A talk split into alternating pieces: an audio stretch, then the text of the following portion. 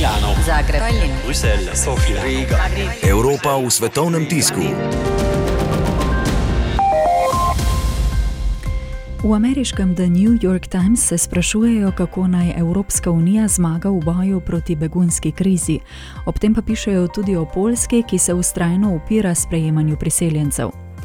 V Le Figaro se sprašujejo, kako bo potekalo današnje glasovanje v britanskem parlamentu o brexitu, potem ko so poslanci dosegli amandma, s katerim lahko glasujejo o možnih alternativah ločitvenemu sporazumu. Tako bodo glasovali o več možnostih, omenjajo se mehkejši brexit, drugi referendum pa tudi preklic brexita in brexit brez dogovora. Kot pišejo v tem francoskem časniku, pa je vprašanje, ali bo sploh katera od možnosti dobila dovolj podpore, o njej pa bodo ponovno glasovali v ponedeljek.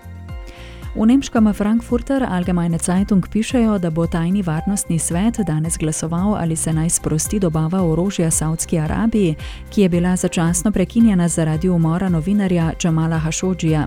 Popolna prepoved izvoza, ki je razjezila tudi francoske in britanske zaveznike, je bila prvotno veljavna dva meseca, na to se je v začetku januarja podaljšala za naslednja dva meseca.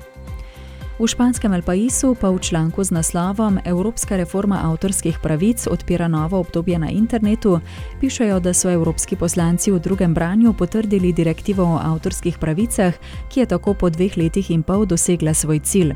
Kot so zapisali, se bo z direktivo zagotovila nujna zaščita pravic avtorjev, s katerimi se zdaj okoriščajo spletni velikani, kot je recimo Google. Milano, Zagreb, Tallinn, Bruselj, Sofija, Riga. Evropa v svetovnem tisku.